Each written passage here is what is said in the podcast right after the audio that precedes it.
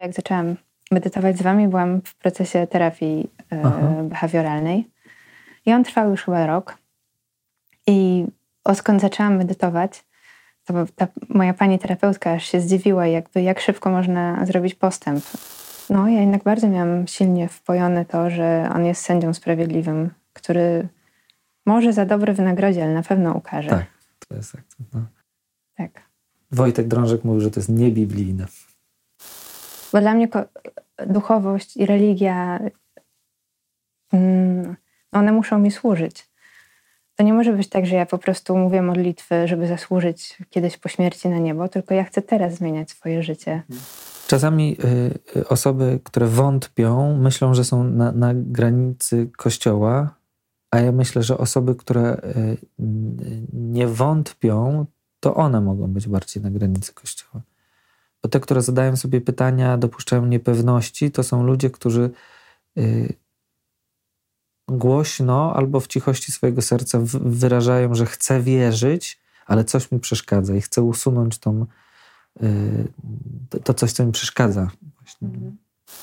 Tylko dzięki Waszemu wsparciu możemy realizować ten i inne projekty. Dziękujemy.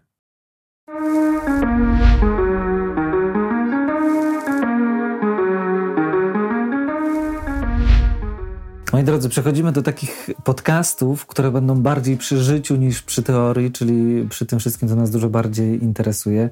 Ja miałem taką myśl od dawna bardzo, żeby zrobić taką, taką serię prawdziwych historii. Dzisiaj, dzisiaj po raz pierwszy z Olą Dębniak spotykamy się żoną, mamą, artystką, człowiekiem, który jest, no powiedziałbym, w topie polskich grafików, nie? Ja się tak nie czuję. No ale tak chyba jest jednak. Z Olą mamy taką dużą przyjemność współpracować. Te wszystkie grafiki, które widzicie na pogłębiarce spod jej ręki wychodzą, prawie wszystkie. Yy, tak, I... mamy duży zespół i to bardzo miło i bardzo wdzięczna jestem za tą współpracę, że nie zapominajmy o tych ludziach. Moi drodzy, spotykamy się, żeby porozmawiać trochę o wrażliwości w kościele yy, z kimś, kto no, wrażliwość ma. Mm, na dłoni z racji y, wnętrza, które też potem się objawia jakoś w zawodzie. To raczej chyba w tę stronę jest, tak mi się wydaje. Y, I y, myślisz, że bycie wrażliwym człowiekiem w kościele to jest raczej zasób, czy coś, co utrudnia? Utrudnia co?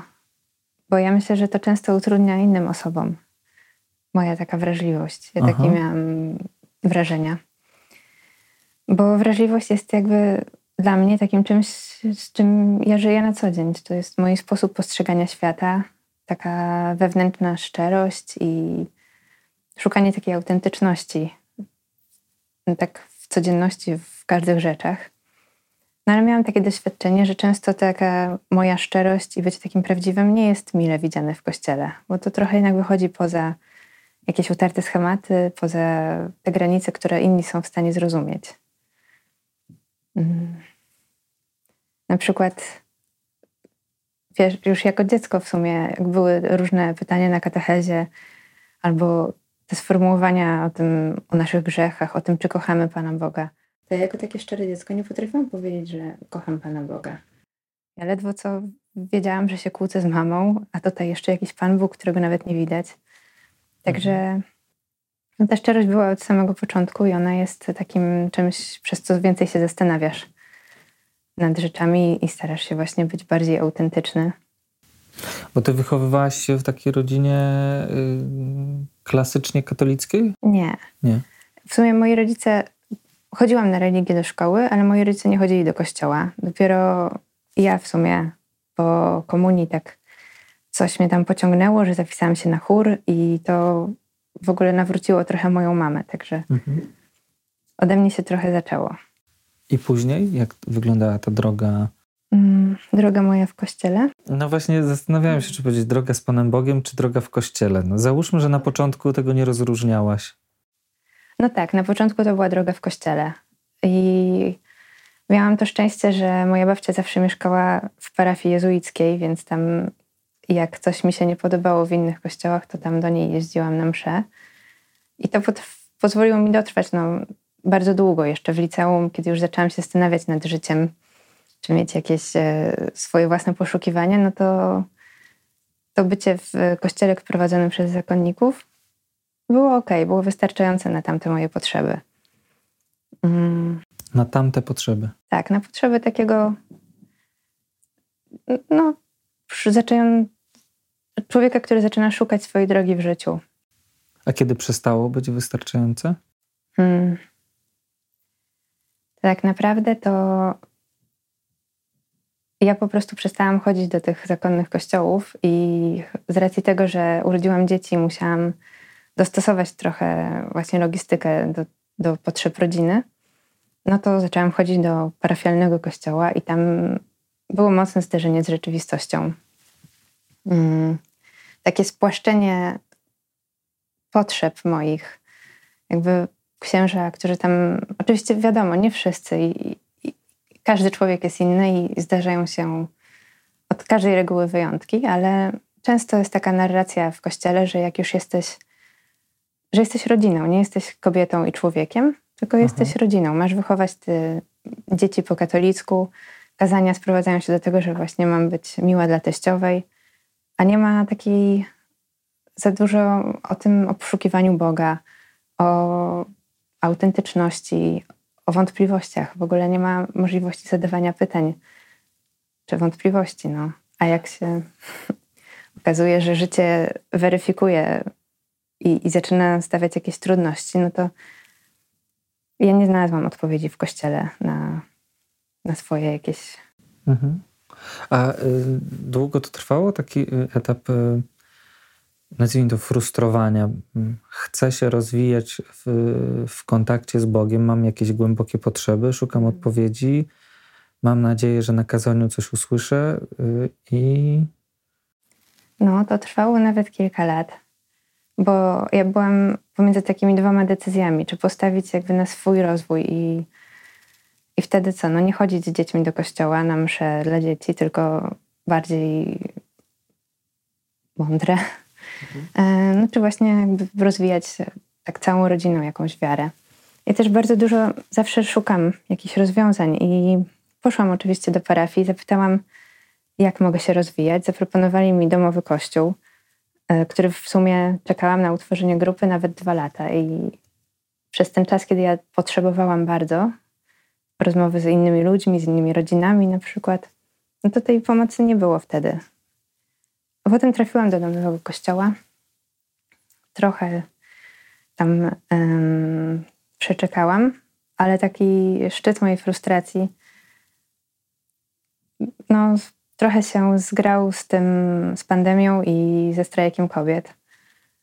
Um, kiedy no, było to, wszystko było bardzo trudne. No, nastroje w społeczeństwie były takie bardzo lękowe. A jeszcze ta decyzja um, o zmianie przepisów, um, tak bez żadnych konsultacji społecznych, ona była bardzo szokująca. I ja nie chcę tutaj jakby mówić o żadnych za albo przeciw, ale po prostu wyrazić potrzebę dialogu, potrzebę zrozumienia i rozmawiania o różnych tematach, a tego dialogu nie było. Zamiast tego właśnie w moim kościele parafialnym postawili takich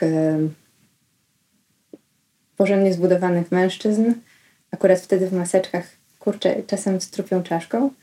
I oni bronili kościoła przed. No, ja czułam, że przede mną. A to było bardzo niesprawiedliwe. Mhm. I to był taki mój, e, mój koniec. Jakby tu został ten kościół jako instytucja, a ja, ja wiedziałam, że, że Pan Bóg jest i że to jakoś musi inaczej wyglądać, więc Pan Bóg i moje poszukiwania Pana Boga poszły w inną stronę. Jaką? Bardzo byłam w takiej niepewności i trochę jakby przed przepaścią. Jak próbowałam porozmawiać właśnie z ludźmi z kościoła na te tematy nurtujące mnie, te trochę polityczne, to, to była trochę cisza. Było takie, o tym się nie rozmawia. Przecież Kościół mówi inaczej, o tym się nie rozmawia. Ty, ty lepiej o tym w ogóle nie wspominaj. I ja nie wiedziałam, dokąd pójść. Mm. myślałam, że jedyną możliwością, jakby drogą jest odejście od kościoła, no bo poza nim w środowisku artystycznym zawsze można rozmawiać na każdy temat. Zastanawiamy się nad sensem, nad y, różnymi filozoficznymi dyskusjami, a tutaj nie, masz się po prostu dostosować. To znaczy, że y, jeśli dobrze rozumiem, ty miałaś y, taką ogromną potrzebę wysłuchania, czy wejścia w dialog z kimś? No chyba wejścia w dialog. Bo dla mnie duchowość i religia, mm, one muszą mi służyć. To nie może być tak, że ja po prostu mówię modlitwy, żeby zasłużyć kiedyś po śmierci na niebo, tylko ja chcę teraz zmieniać swoje życie hmm. i szukać tego sensu, czy tej właśnie drogi swojej tutaj, już teraz. I przez to, że nie, nie miałaś partnera do rozmowy, to to było niemożliwe. Mhm. Tak, w końcu też to tak wydaje się, że, że może to taki, taki nie jest jakby duży problem, ale dla mnie to ja to mocno przeżywałam. Próbowałam ciągle chodzić na jakieś właśnie na te msze rodzinne dla dzieci, ale wychodziłam z płaczem, bo czułam się taka bardzo skrępowana tym, że ja mam w sobie mnóstwo wątpliwości, a nikt nie zdaje sobie jakby z tego sprawy, albo nikogo to nie obchodzi, tylko powtarzamy te, te same formułki, co od iluś lat nic się w kościele nie zmienia.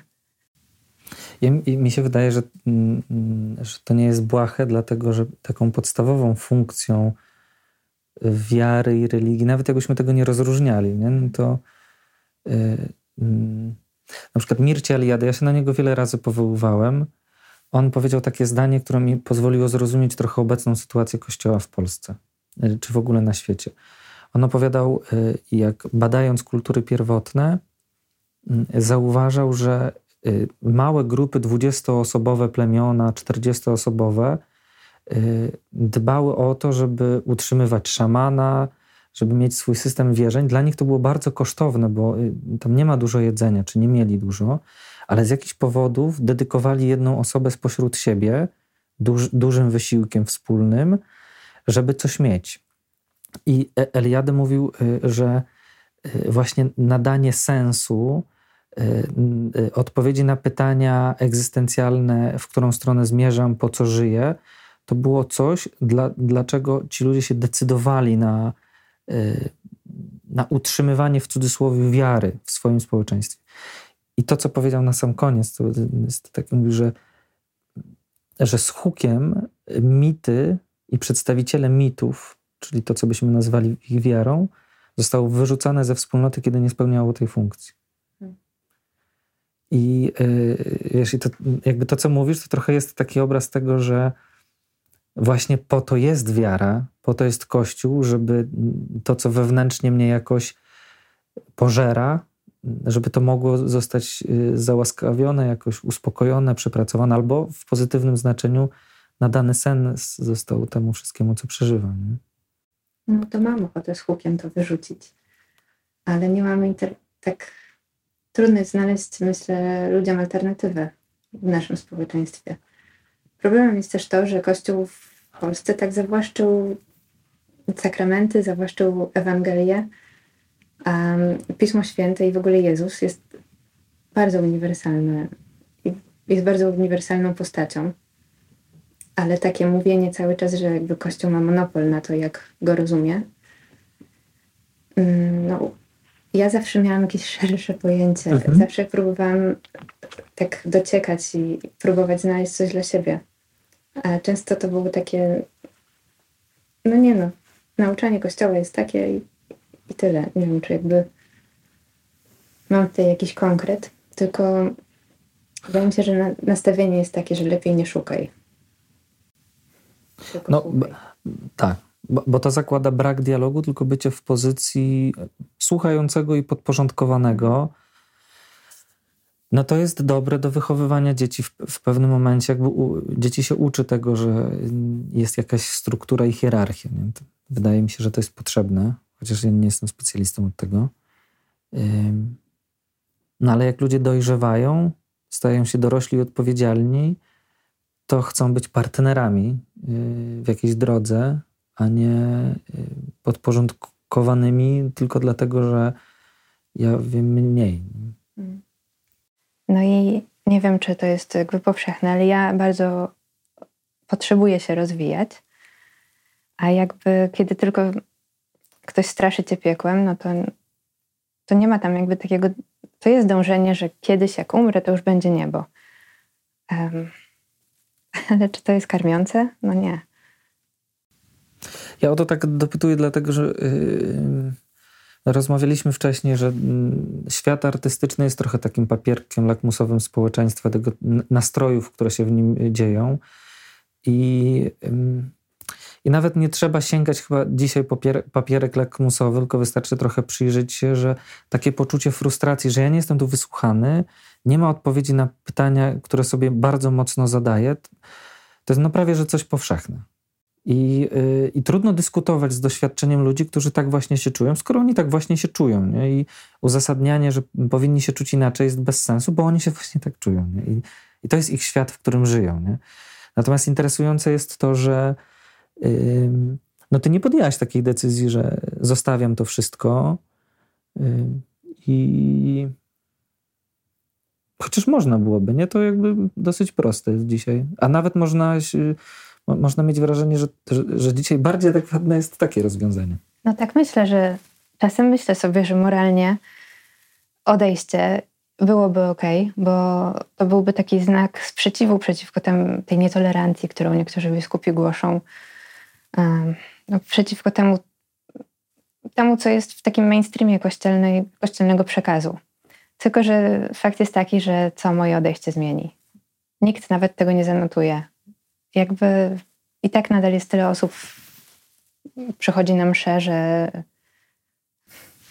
Że nikogo to nie tak, przerazi. Jestem tylko jedną tak. rybą, nie? Mhm. W wielkim oceanie.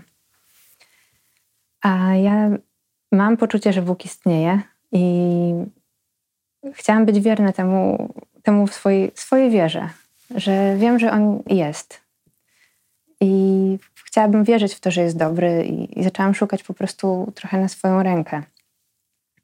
I ile razy ktoś powiedział mi jakąś głupotę w kościele, no to sprawdzam. Sprawdzam, jak. E, ktoś, jest... ktoś ksiądz, tak? No tak, tak. Mhm.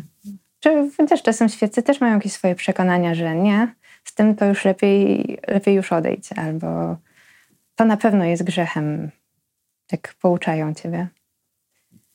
No i ja właśnie staram się sprawdzać, staram się jakby zrobić sobie własną taką, żeby być ze sobą w zgodzie. Czyli sprawdzam na przykład, co o tym mówią, mówi Kościół katolicki za granicą, mhm. co, co jest napisane tak naprawdę w katechizmie.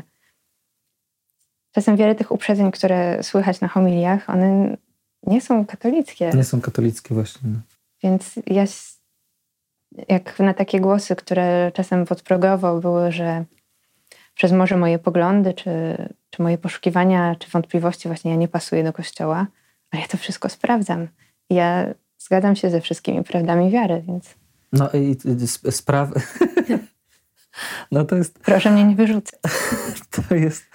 Y, no, jak to mówiłeś, to pomyślałem sobie, to jest walka o bycie w kościele, w sensie, że nie daje się zwieść jak, y, temu, co ktoś mówi i, i mówi to w taki sposób, że mam poczucie, że, że nie ma dla mnie miejsca, tylko mhm. sprawdzam, czy na pewno ten, ta osoba głosi katolickie poglądy.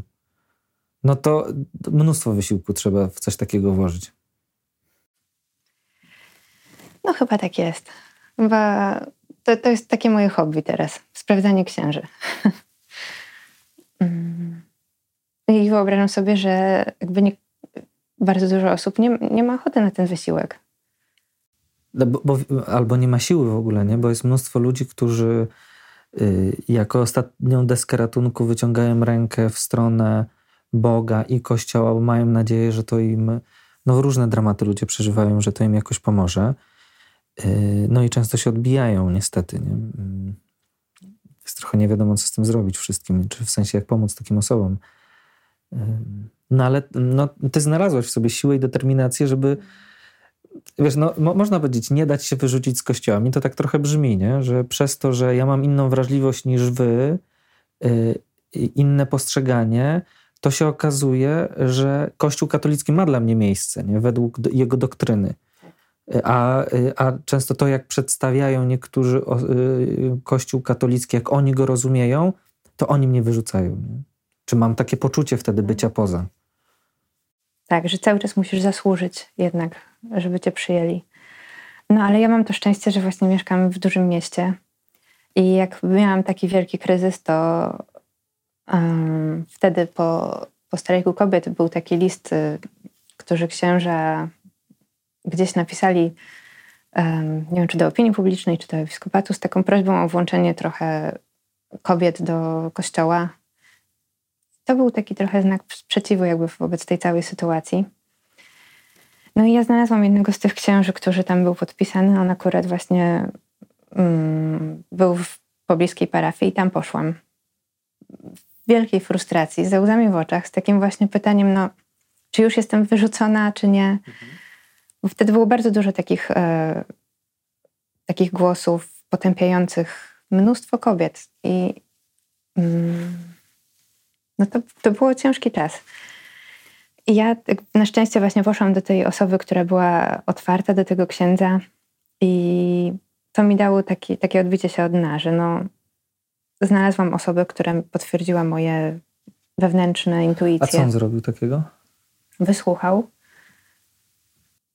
Powiedział, że absolutnie jestem w kościele. Powiedział, że, że poglądy polityczne to są poglądy polityczne, a nie są um, nie są jakby w tych kategoriach duchowych. Aha.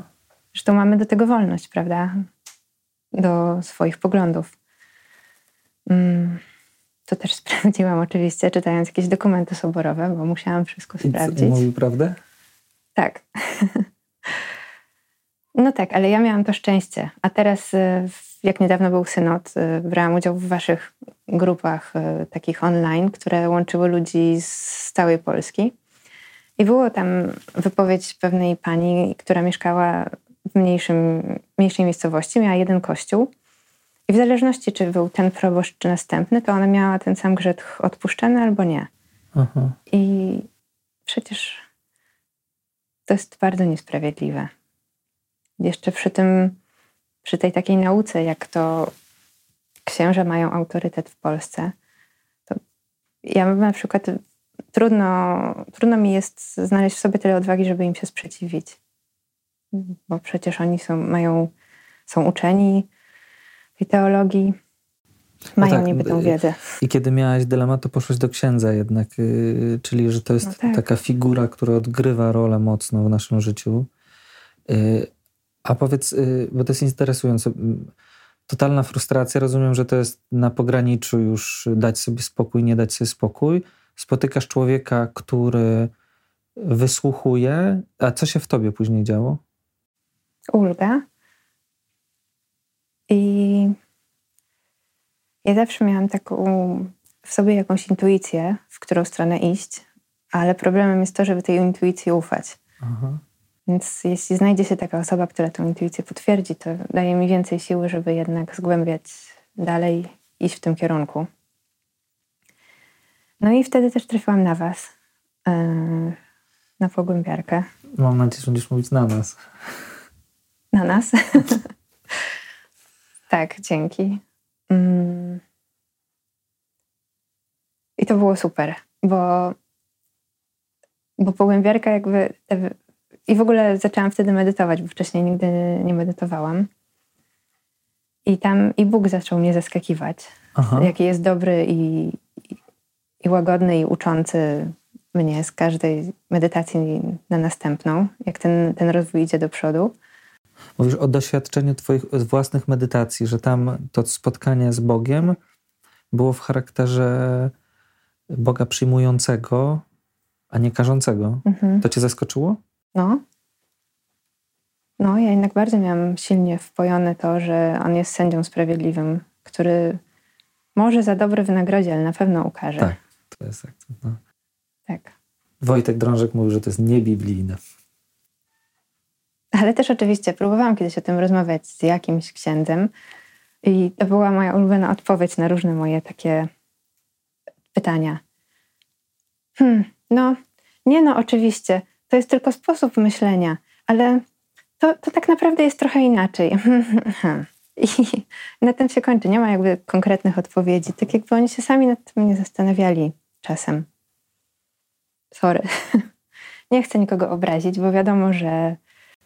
Nie, bo my nie rozmawiamy tutaj, żeby teraz budzić nastrój jakiś antyklerykalny, tylko, yy, tylko są osoby, które, żeby zostać y, w kościele, muszą jakąś walkę przetoczyć. Yy, no i dla mnie, jakby Twoja historia jest o, o tym właśnie, że trzeba wewnętrznie mocno się bić ze sobą, trochę kopać z niektórymi rzeczami, doczytywać w encyklikach, no kto to robi. Nie? Czy, czy w katechizmie sprawdzać, czy, czy, czy to, co ten ksiądz mówi, no to Kościół katolicki, no to jest heroiczny wysiłek. Yy, bo dużo łatwiej byłoby powiedzieć sobie, no okej, okay, dość, nie? Wyrzucić z hukiem wiarę swojego życia, tak jak Eliade pisał. I szukać alternatyw yy, gdzie indziej. Dzisiaj można. Mhm. Środowisko, w którym yy, jesteś, pracujesz, żyjesz, y, jak cię oni postrzegają, inni artyści? Myślę że chyba, że jestem naiwna, mm, że, że wierzę temu kościołowi, bo on ma zły PR. Chciałabym, żeby to się zmieniło. Na pewno na studiach y, mało już było osób, które regularnie chodzą do kościoła, ale była, mam koleżankę protestantkę, która cały czas czerpała jakby siłę z tej, z tej swojej wiary i ona jakby budowała no, bardzo dobry PR Aha. swojej religii. Także widać było i siłę i taką, aż by się chciało tak też mieć. Taką, trochę jej zazdrościłam tego. E, także ja zawsze się czuję takim kimś pomiędzy. Pomiędzy kościołem, pomiędzy tym środowiskiem artystycznym, bo teraz, bo teraz już nie ma nie, wśród moich przyjaciół, przyjaciółek nie ma osoby, która chodzi. Ostatnia tak też z hukiem odeszła z pół roku temu. Ja takie osoby, to jest. Tak, ale z, ja takie osoby bardzo rozumiem. Ja też. Bo, bo naprawdę dzisiaj jakby patrząc na wiele różnych rzeczy składając, jest mnóstwo argumentów, żeby taką decyzję podjąć. Yy, nawet pomijając kwestię skandali, nadużyć, yy, to y, przede wszystkim braku trzeba mocno szukać w kościele, żeby znaleźć coś takiego, co staje się dla ciebie jakąś drogą rozwoju, nie? drogą spotykania z Bogiem. To nie jest na wierzchu. Mhm. To, to, jest.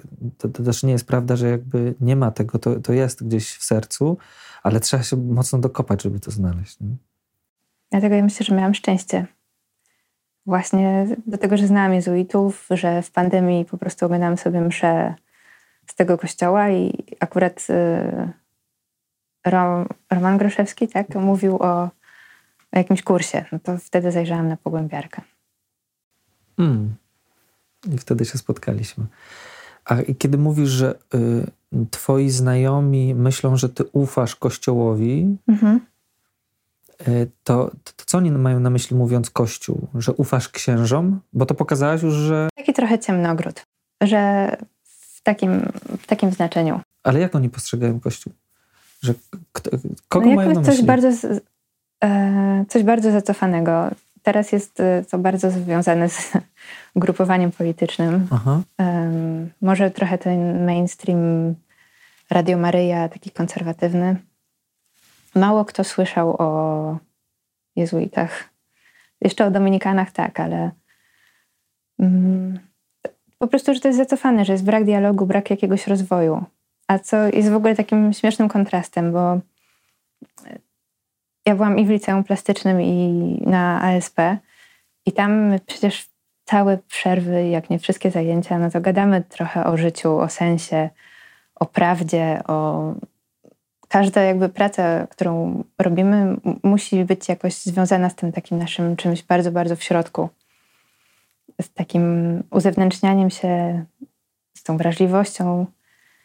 I tam można rozmawiać naprawdę. Ja bardzo tam mam dużo znajomych, z którymi rozmawiam o Bogu, o doświadczeniu Boga.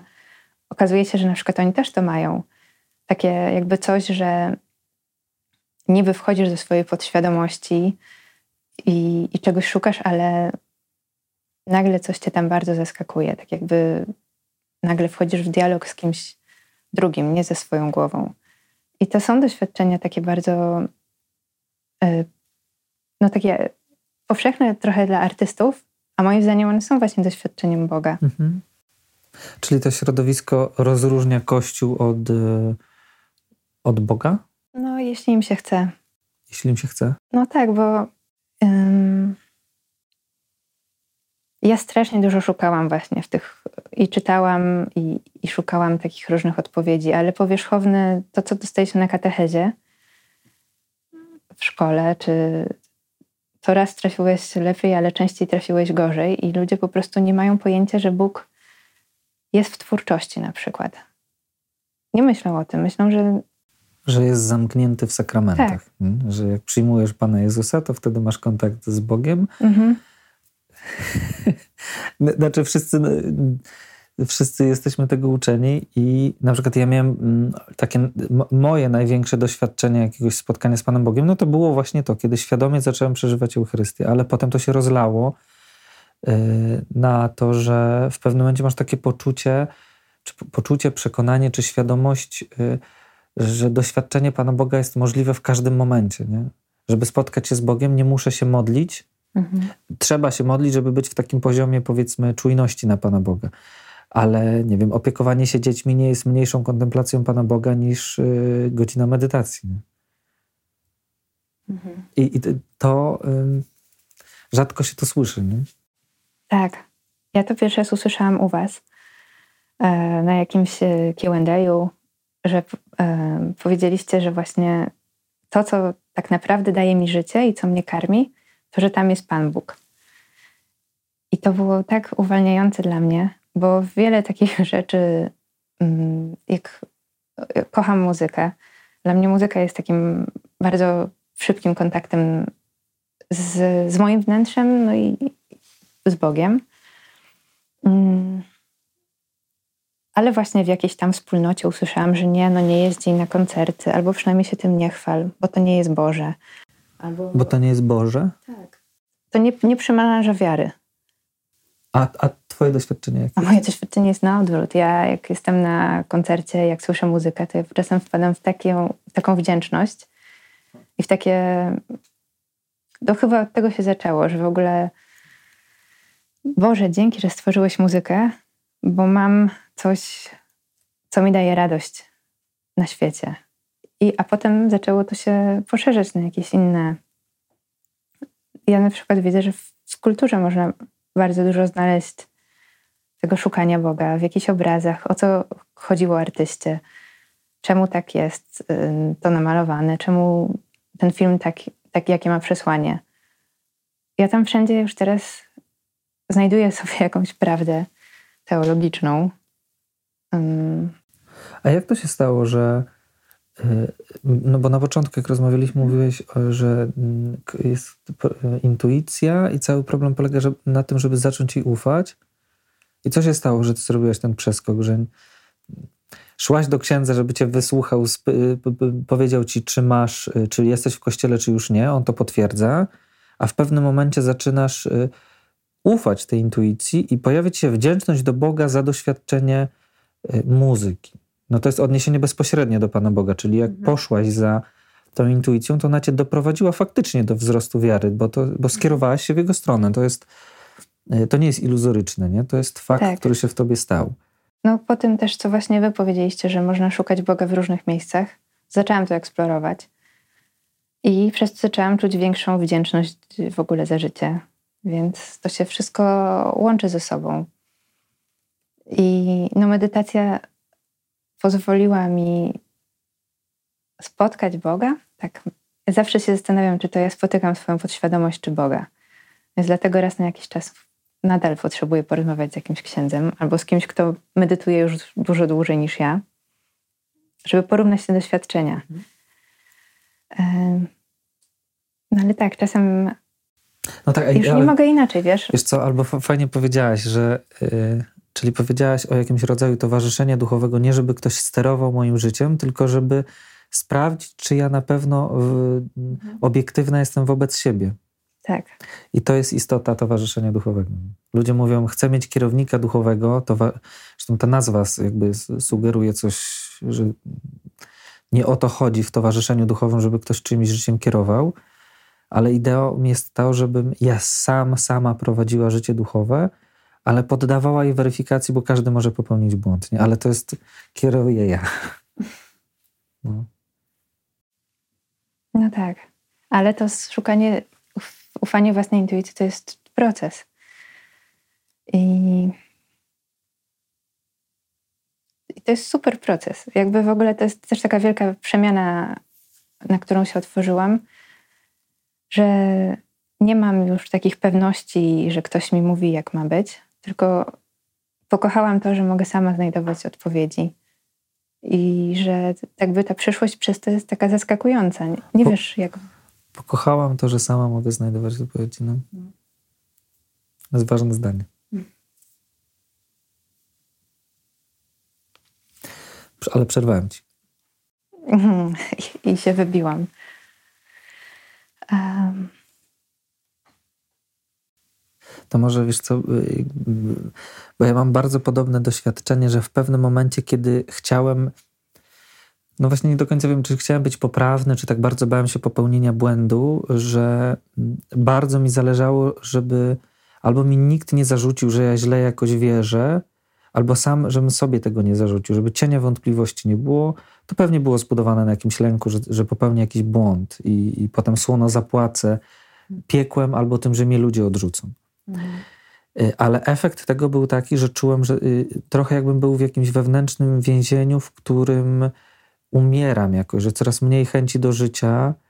Y, I, i, i, i przyłapałem się na czymś takim, że że właśnie jestem w takim punkcie i najprawdopodobniej do tego punktu mnie zaprowadziło y, albo zamknięcie, albo lęk, któryś z tych dwóch. Y, I pomyślałem, że jedyną opcją jest próba wydostania się z tego y, sposobu myślenia czy przekonania. I pamiętam, że eksplorowanie było takie dopuszczanie różnych myśli.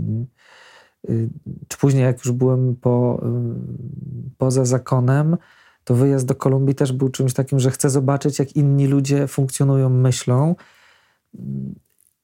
I to naprawdę przywracało życie. I ja się bałem, że jadąc do Kolumbii, że ja stracę tam wiarę bardzo. Że się na przykład jakoś złajdaczę, czy coś. Mhm. Miałem takie obawy, a, a wracałem stamtąd yy, z takim poczuciem, że wracam do siebie i jestem wdzięczny, że widziałem to, co widziałem, bo trochę odzyskałem wiarę w to, że nie jestem taki zły, bo się nie złajdaczyłem. Zrobiłeś eksperyment.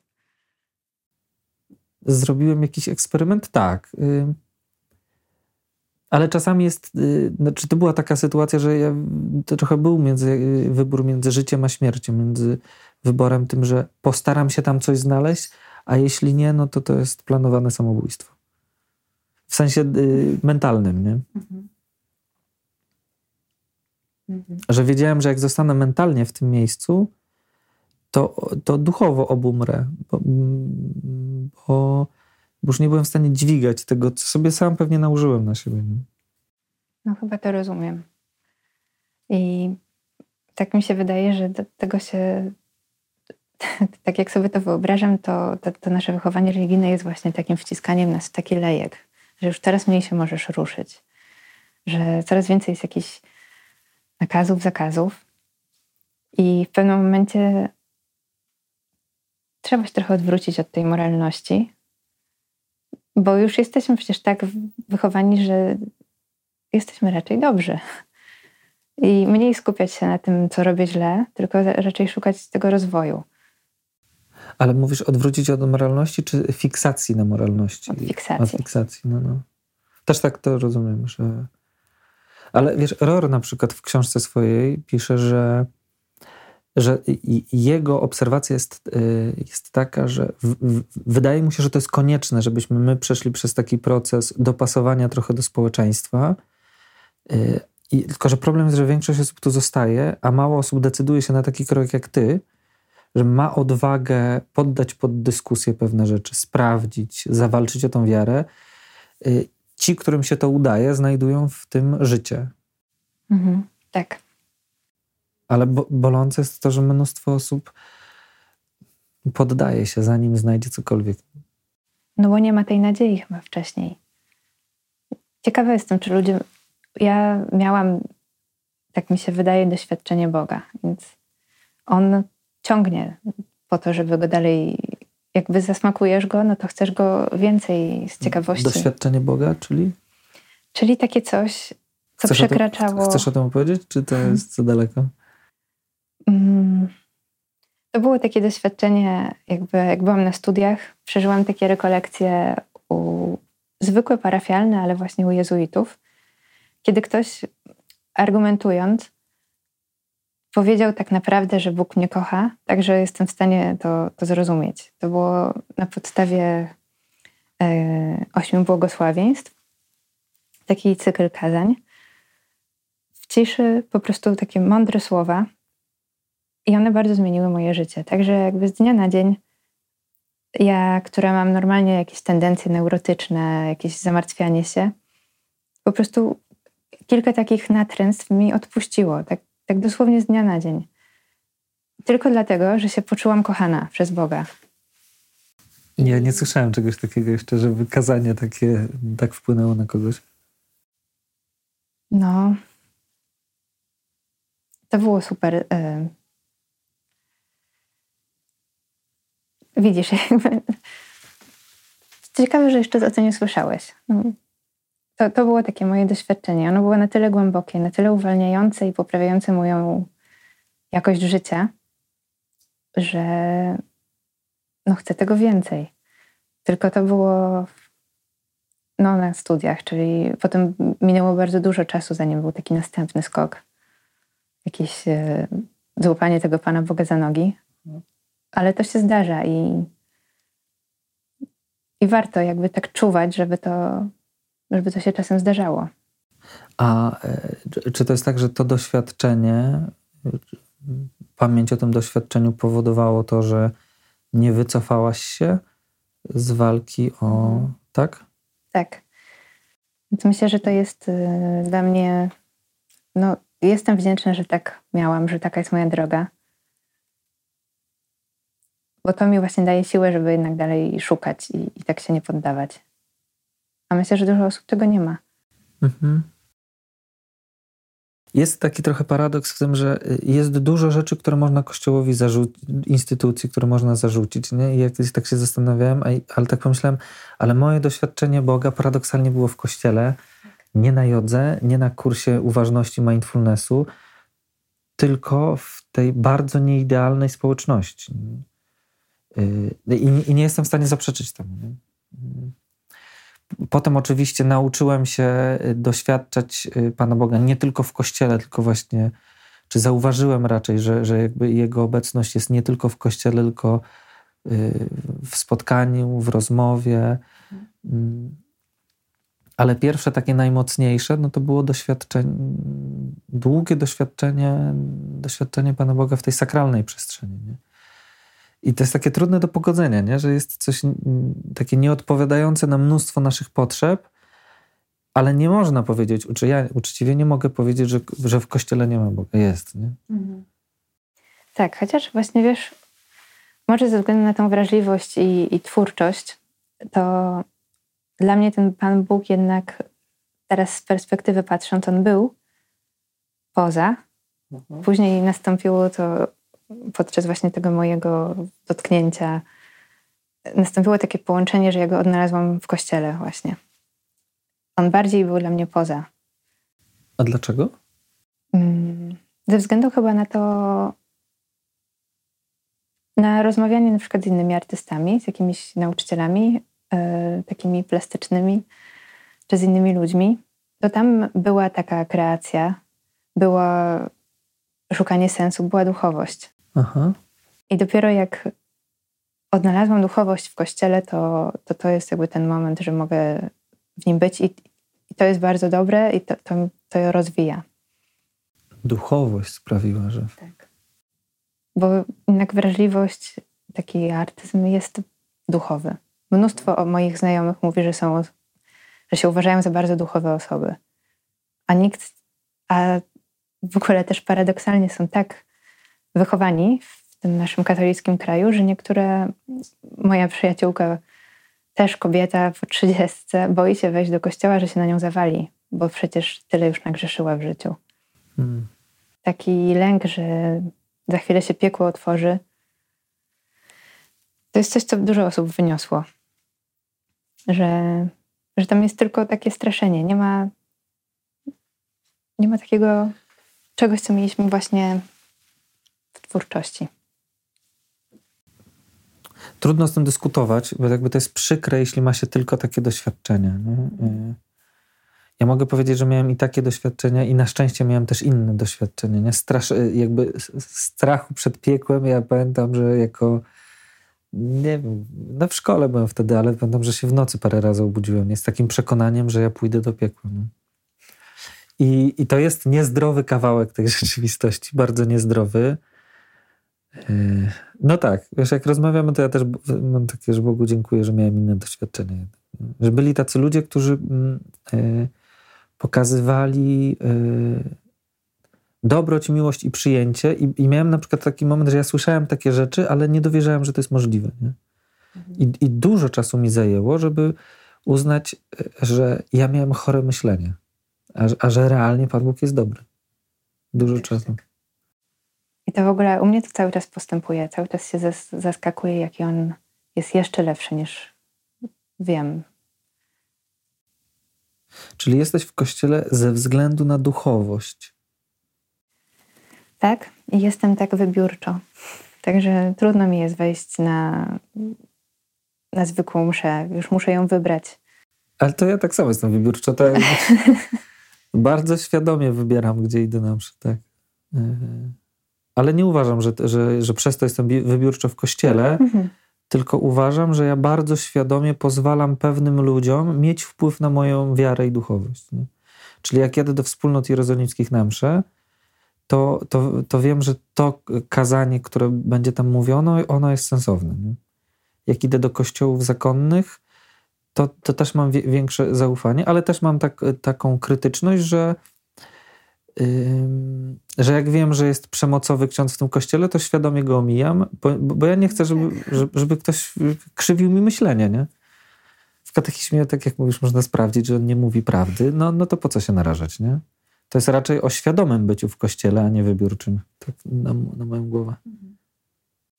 No to tak, to świadomym jestem. A, a dzisiaj jak, jak postrzegasz y, Boga? Czy jak go doświadczasz? No, doświadczam go jako osobę. Tak w sumie się śmiałam, że jak się jeździ na rekolekcje ignacjańskie, to, to jest jak telenowela, że ten Bóg jest dla ciebie dzieckiem, ojcem, bratem, siostrą, przyjacielem. Aha. Wszystko naraz. Um, wiesz co, pierwszy raz się go nie boję że, że wierzę, że On mnie zbawi. I to jest, to jest proste. To jest bardzo proste, że Bóg zbawia, nie? Ale żeby tak naprawdę głęboko w to uwierzyć. Że mnie zbawi? Tak. To... I jest też, mam taką wielką nadzieję, że ta droga, która jeszcze jest przede mną, to że będzie fajna, no bo ten Bóg jednak jest taki zaskakujący. To nie jest tak, że ja sobie go wyobrażę, że on jest dobry i to już jest koniec. To jest właśnie fajna przygoda. Bo właśnie doświadczenie duchowe to nie jest wyobrażanie sobie czegoś, to nie jest narzucanie sobie, to nie jest autosugestia, tylko to jest yy, może, może to brzmieć podobnie, jak, jak ktoś o tym mówi, czyli czy można mu zarzucić, że ty sobie coś wmawiasz, ale no te osoby, które praktykują duchowość, to doskonale rozróżniają, kiedy sami sobie coś chcą wmówić, a kiedy mają doświadczenie czegoś, co jest poza nimi. Mhm. No tak, to jest. Ja też w ogóle jako taki trochę neurotyk, taka niepewna osoba, potrafiłam kwestionować wszystko, że wszystko. I to, kiedy do, mam kilka takich doświadczeń właśnie Boga, które są wyjątkowo pewne. I to jest dla mnie niesamowite, że, że Bóg jest taki, taki prawdziwy, że nawet moja kwestionująca natura nie potrafi tutaj nic zarzucić. I to jest takie coś, co daje siłę. Y, doświadczenie Boga jest takie, że twoja kwestionująca natura nie może mu nic zarzucić. Mhm. Nie może go tak podważyć. Czyli mówisz, że twoje doświadczenie Boga jest silniejsze od y, twoich myśli, sposobów y, tak. myślenia podważających. Tak. To piękne doświadczenie jest. To brzmi mistycznie w ogóle, nie? To tak jak Ignacy mówił, choćby, y, choćby nie było y, Pisma Świętego w pewnym momencie, to przez swoje doświadczenie wierzyłbym dokładnie w to samo, bo wiem to nie z księgi, tylko z doświadczenia. Tak. A czy właśnie tak na tym nie polega Duch Święty? To, że On działa teraz w ludziach? Że mamy Pismo Święte, ale mamy też doświadczenia ludzi? I to też jest Bóg. Tak, Aror pisze, że rzeczywistość y, nie jest mniej święta y, niż Pismo Święte. Hmm. Nasze doświadczenia nie są mniej prawdziwe niż Słowo Boże. Że to jakby jedno i drugie, jedno trochę wskazuje, drugie obiektywizuje y, i, i to jest jaki, jakiś taki artyzm tańca, tańca między, między tymi dwoma rzeczami, które się schodzą ostatecznie. Mhm. Chyba tak. No i to jest właśnie, to jednak jest taka trochę akrobatyka i takie zastanawianie się albo odkrywanie zagadek. Takie, takie życie przez to jest ciekawsze. Tak, tak. I wiesz, ja w pewnym momencie doszedłem do takiego wniosku, że y, ładnie to nazywać akrobatyka, y, ale żegnania się z kłamstwami, w które wierzysz. Mhm. Czyli na przykład to, że pójdę do piekła, to jest jakiś rodzaj kłamstwa, ale tak głęboko zakorzenione, że, że dla mnie to jest oczywistość w pewnym momencie. Mhm. Albo to, że dla innych Pan Bóg ma cierpliwość, ale, ale moje życie jest skazane na to, że będę cierpiała do końca życia, bo jeden jakiś zły, tak. zły wybór, nie? Kłamstwo. I trzeba się. Yy... No, ćwiczyć w tym, żeby wierzyć Jemu, a nie temu, co o sobie myślimy. Ale to jest piękne doświadczenie w takim razie, że silniejsze jest doświadczenie Boga niż to, co, co samo sobie myślę. To jest przekroczenie jakiegoś ważnego progu. Ty jesteś specem od duchowości. Nie wiem, czy specem. Staram się być praktykiem. Tak zastanawiam się, czy ta nasza rozmowa jest jakaś komuś coś da. Czy może nie, odbiegliśmy już od jakichś takich uniwersalnych tematów. No, mi już dużo dała. Y, ale jeśli chcesz, to możemy wrócić do tego wątku. Yy, yy,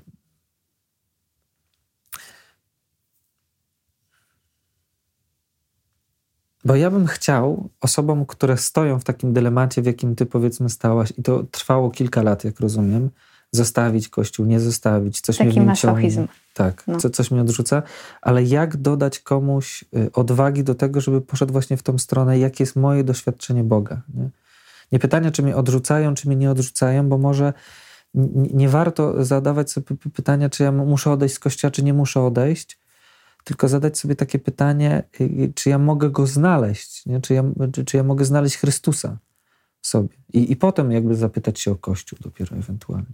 Mhm. No ja bym go szukała właśnie w tym, co się lubi. E, ja też jak zaczęłam z wami przygodę, to był taki kurs Odnaleźć ducha w sobie. I no, medytacje bardzo ułatwiają mm, prawdę o sobie i, i znalezienie tego Boga w sobie. Ja w ogóle jak zaczęłam medytować z wami, byłam w procesie terapii e, behawioralnej i on trwał już chyba rok. I odkąd zaczęłam medytować, to ta moja pani terapeutka aż się zdziwiła, jakby jak szybko można zrobić postęp, że spotkanie się ze sobą tak nawet 40 minut w tygodniu, no to odkrywa jakieś tam klapki w głowie i ja bardzo szybko później zakończyłam tą terapię i Bóg mi jakby w tym pomógł. bo to jest, jak powiedziane, że on pokazuje nam prawdę o sobie. Więc chyba trzeba szukać tego, co się lubi i, i potem sobie uwierzyć. Jak się jest w tym dylemacie. I kurczę, ja bym się chyba nie bała na trochę, na trochę dać sobie takiego luzu i trochę odejść, bo wtedy się wraca z jakąś zdwojoną siłą, jeśli się wraca. Trochę odejść? Trochę odejść od takich przekonań, które mam o kościele. Jakby, no, dla mnie to była ważna część życia. Ale jak odpuściłam to, że to steruje moim życiem i jakby tak pomyślałam sobie, a może jeśli jakby ja steruję swoim życiem, Aha. to jakby to wyglądało, to co ja bym chciała. No moim zdaniem to co odzyskanie y, świadomości, kontroli, że moje życie ode mnie zależy, to nie jest nie tylko kwestia zdrowia psychicznego, ale też nie da się y, żyć duchowo, jeśli tego nie mam. A dużo jest właśnie, próba, rozmawiałam o tych moich różnych wątpliwościach z jakimiś osobami we wspólnocie i oni mówili, że jeśli mam takie myśli, to, to one są od złego. Dlaczego? Bo, bo było akurat takie przekonanie, że myśli są albo od złego, albo od Boga, więc nie było przekonania, że mogą być ode mnie. A to też jest bardzo ważne, że przecież ja jestem stworzona w jakiś sposób w tym miejscu. No tak, nie jesteśmy marionetką, nie? Że jedna ręka i druga steruje ją. I o tym też się zapomina, że ja jednak jestem stworzona do tej wolności i do wykorzystania swojego potencjału w tym, gdzie jestem teraz. No to zastosujmy to kryterium rozeznawania, e, że po, po, po efektach tych myśli, dokąd cię doprowadziły, można powiedzieć, czy one były od złego, od dobrego. I w Twoim wypadku, bo nie chcę też, wiesz, y, y, rozciągnąć to na wszystkich ludzi, bo pewnie różne doświadczenia możemy mieć, ale w Twoim wypadku myśl o tym, że muszę porzucić jakiś neurotyczny sposób myślenia, tak go nazwijmy, to było od. Jak to dzisiaj oceniasz? Że Bóg mnie wyratował. No paradoksalne, nie? Że część czegoś, co mi się wydaje święte, Mhm. muszę porzucić, bo widzę, że mi nie służy, i potem się okazuje, że to nie do końca to, co mi się wydawało było święte, to jest tym rdzeniem świętości, tylko że dopiero da, dałaś się zaprowadzić do tego, co Bóg ci kazał powiedzieć, ale trzeba, trzeba coś zostawić. Miałaś poczucie winy wtedy? Nie. nie. Wiesz, w ogóle ja tak o sobie mówiłam, że jestem praktykującą niewierzącą przez większość życia, że ta bo wiem, co to jest prawdziwe uczucie, więc wiedziałam, że tej prawdziwej wiary to nie mam jeszcze wtedy. Ale jakby próbowałam wielu różnych rzeczy i raz y, na takiej modzie robiłam jakąś, y, jakąś modlitwę, którą się robi codziennie, przez ileś minut się czyta coś. I robiłam to tak, i to chyba trzeba rok robić, czy nie pamiętam, któryś, przepraszam, nie pamiętam, co to było. No, no ale... ale po półtora miesiąca takiego klepania tego, bo ja nie umiem takich rzeczy robić, ja to jednak bardzo klepałam, usłyszałam taki głos, brzydzę się tą modlitwą. I tak, i to było takie, wiesz, że ciarki mnie przeszły. Aha. Ale no ja też zdałam sobie sprawę, że to, jest, to nie jest modlitwa, to jest jakiś rytuał pobożny. On nie jest prawdziwy. No i, miałam takie momenty, że po prostu przestałam się modlić w ogóle na rzecz takiego życia w świadomości, że Bóg istnieje. Aha. I, I to cały czas zmienia, jakby tak testuję. Widzisz, nie chcesz już skrócić może, że tutaj jakby namawiam do jakichś e, niepobożnych rzeczy, ale... Nie, nie, absolutnie. Wiesz, tak no, testowałam po prostu, co, co działa, co nie działa. Ja, Ola, uważam, że, że nie da się tego etapu ominąć. I wiem, że, y, że ten etap... Hmm, jak zapytałem, czy miałaś poczucie winy, bo ja w tym etapie miałem poczucie winy, myślałem, że robię coś złego. Ale była we mnie taka część, y, która mówiła, że, że tam jest coś głębiej, że tam jest jakieś życie. To było bardzo na intuicji, mhm. ale myślę, że to w jakiś sposób, przynajmniej tak to przeżywałem, było, było po bandzie, takie odrzucanie czegoś. Y, y, sam przed sobą myślałem, że, że, że jestem przewrotowcem w myśleniu. Dużo oskarżeń wtedy wychodziło, ale jednak no to, to, to mi pozwoliło odrzucić coś, co udawało Pana Boga, tak jak powiedziałaś, jakieś rytuały, mhm. a znaleźć doświadczenie Boga. I też nie chcę powiedzieć o tym, że należy odrzucić wszystkie formy takie rytualne, bo mo, y, można doświadczyć Boga również w formie rytualnej, jeśli ja go tam doświadczę. Tak, jak najbardziej. Ja myślę, że dla wielu osób to wystarcza. I nie chcę nikomu mówić, że jakby jakaś, jakieś formy modlitwy są złe, po prostu one dla mnie nie działały. Myślę, że wiesz, taka większa wrażliwość idzie z większym wymaganiem po prostu w tej mhm, kwestii. tak. Ale jednocześnie jakby to jest, czego się cieszę bardzo, że o tym rozmawiamy, bo, bo to pokazuje, że